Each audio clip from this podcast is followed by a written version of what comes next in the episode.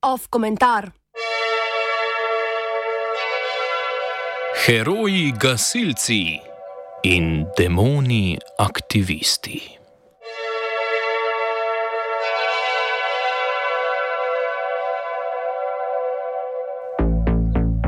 Petek in čez vikend smo imeli v Sloveniji najhujše poplave v zgodovini.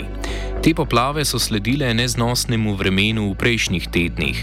Če smo se v zadnjih poletjih počasi navadili na dolge vročinske valove, ki se na to, ki se na to končajo z dežjem, na kar se lahko malo ohladimo, imamo letos dnevno menjavanje neuzdržno visokih temperatur in neviht z dovolj veliko količino dežja, da so hudourniki poplavljali že pred veliko katastrofo. Vlada je dan pred poplavami odločila, da mora država zagotoviti milijon evrov za pomoč prizadetim že v teh nalivih. Poleg že tako ali tako ekstremnega vremena so v Ilirski bistrici dobili še tornado.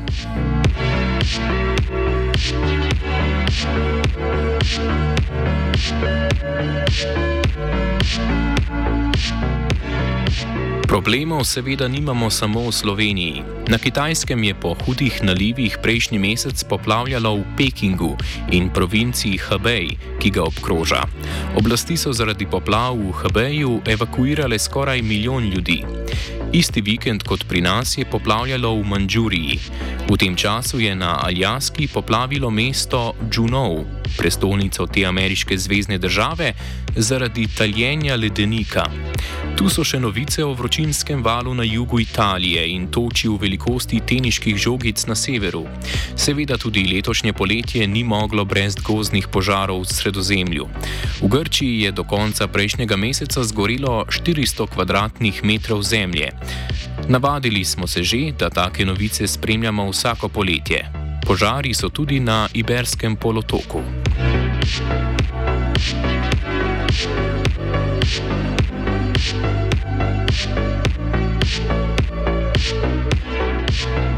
Vse to so seveda posledice podnebnih sprememb. Globalne temperature so se že zvišale za 1,1 stopinje Celzija glede na predindustrijsko dobo in se še višajo.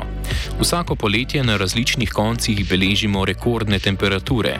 Po pariškem podnebnem dogovoru bi morali omejiti globalni dvig temperatur na 1,5 stopinje Celzija glede na predindustrijsko dobo.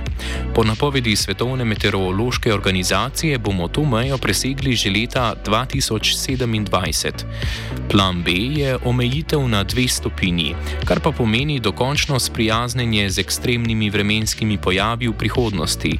Zaradi tega ne govorimo samo o naravnih nesrečah, ampak gre za, ampak gre za politično temo.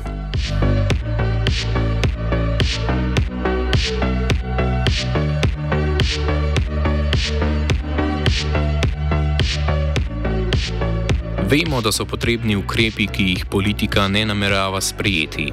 Mladi za podnebno pravičnost so tako od maja letos dvakrat objavili svojo kritiko energetske politike aktualne vlade, ker predvideva premajhno znižanje emisij in stavi na zeleni kapitalizem. Takšnega diskurza je ogromno. Lahko kritiziramo nadaljna vlaganja v fosilna goriva na mesto vlaganj v zelene vire. Lahko opozarjamo, kako smo preveč odvisni od osebnih avtomobilov in bi morali več vložiti v javni prevoz, ga tako organizirati, da bi dejansko zadostil večini naših potreb in ga elektrificirati. Lahko se pritožujemo nad tem, koliko denarja gre za vojsko, namesto za civilno zaščito, ki bi se pripravila na soočanje s posledicami vse bolj neizogibnih podnebnih sprememb. In lahko zmerjamo zanikovalce podnebnih sprememb, ki postajajo vse bolj skregani z realnostjo. Lahko pa metujemo o tem, kako je v končni fazi vse posledica kapitalizma, v katerem je kratkoročni dobiček maloštevilnih podjetij prioriteta pred dolgoročnim preživetjem človeštva. In lahko izdelamo še kak načrt za zeleni prehod ali predlagamo še kak Green New Deal. Ampak to je že vse znano in tisočkrat povedano.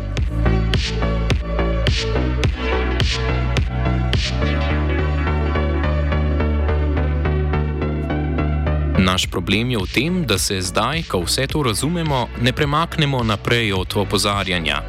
Najprej se pojavi vprašanje, kako prisiliti oblast, da naredi, kar je nujno potrebno in česar sama od sebe ne bo nikoli storila.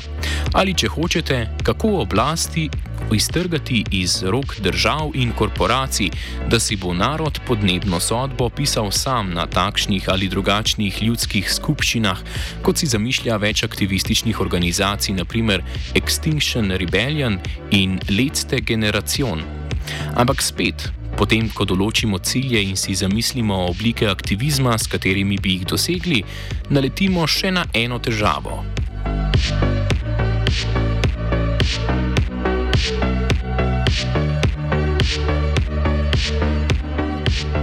Zato, da bomo dosegli ukrepe v takem obsegu, ki bi omogočil pravočasen zeleni prehod, seveda ne zadostuje individualni aktivizem, ampak je potrebna množična mobilizacija. In tu aktivisti naletijo na glavno oviro: pasivnost in celo sovražnost večine. Aktivisti obeh zgoraj omenjenih organizacij izvajajo akcije, katerih namen je pri javnosti zbuditi pozornost. Najbolj odmevne takšne akcije so zapore cest, pri katerih se pred kolono vozil usede skupina aktivistov in se na cesto včasih tudi prilepi. Tak primer smo imeli med kolesarskim svetovnim prvestvom na Škotskem. Ponavadi protestnike policija hitro odstrani, včasih jih celo napadajo vozniki. Pozornost, ki jo dobijo, je večinoma negativna.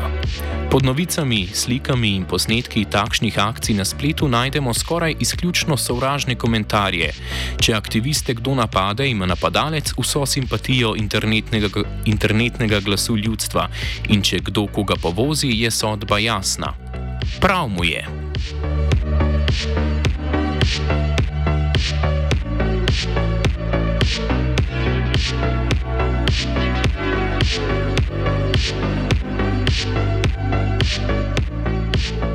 Če začasne blokade cest voznikom res povzročajo nevšečnosti, so se nekateri odločili izvajati performanse, ki nikomur ne delajo škode, pa vseeno šokirajo.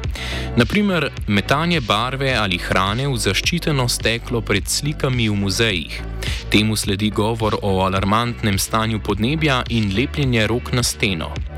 Tudi to žanje samo zgražanje, čeprav nobena slika na ta način ni poškodovana, ker je za zaščitenim steklom. Ko so v nekem muzeju v Nemčiji aktiviste pustili prilepljene čez noč, je to med spletnim komentarjatom poželo odobravanje in privoščljivost.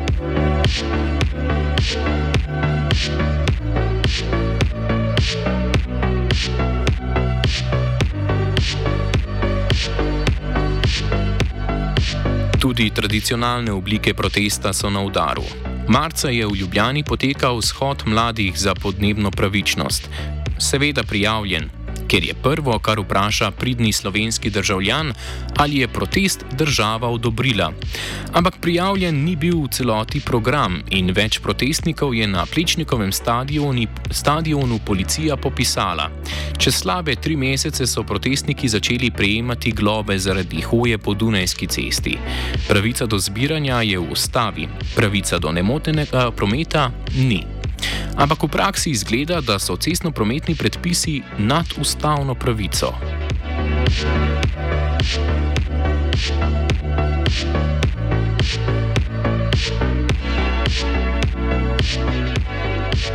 Tako smo se znašli v slepi ulici. Ljudje dobro vedo, kaj se dogaja in že čutijo posledice. Bolj ali manj tudi razumejo, kaj pomeni zeleni prihod in jasno jim je, zakaj je potreben. Ampak večina kljub temu ostaja pasivna in še huje sovražna do tistih maloštevilnih, ki poskušajo kaj doseči. Kljub površinsko pozitivnem medijskem poročanju o podnebnih aktivistih, kot so Greta Thunberg, je dejanski aktivizem v očih javnosti delegitimiran. Že protestni performance je zlo, takoj, ko povzroči najmanjšo neušečnost, kot da ne bi bil namen protesta zmotiti vsakdanje rutine, da bi opozoril na problem. Podnebno gibanje bi morda moralo najti oblike aktivizma, ki bi ga manj odtujevale od ljudi. Ampak na primerih performansov v umetnostnih muzejih lahko vidimo, da ni treba, da res zmoti življenje povprečnega človeka. Demoniziran si že a priori. Razmisliti je zato treba tudi o načinu, kako upravičiti svoje delovanje kot tako. Zadnje poplave ponujajo očiten argument. Kaj je bolj zmotilo promet na cestah? Protesti v celem letu ali poplave in plazovi v enem dnevu? Osovraženi aktivisti so imeli vse čas prav.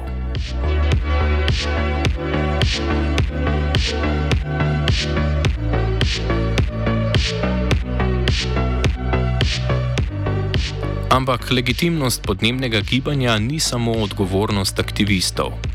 Tudi mediji bi morali o podnebnem aktivizmu, pravzaprav tudi na splošno o vključevanju ljudstva v politiko od spodaj, poročati drugače.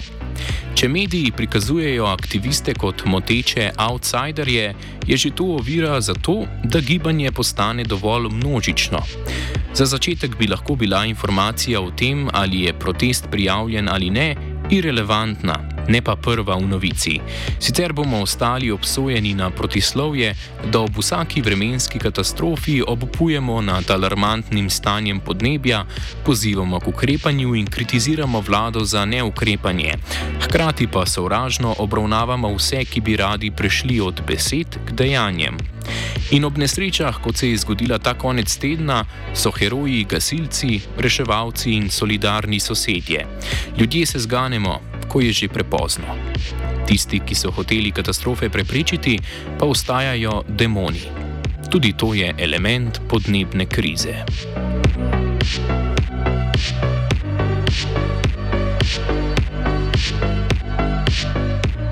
Komentiral je Matej.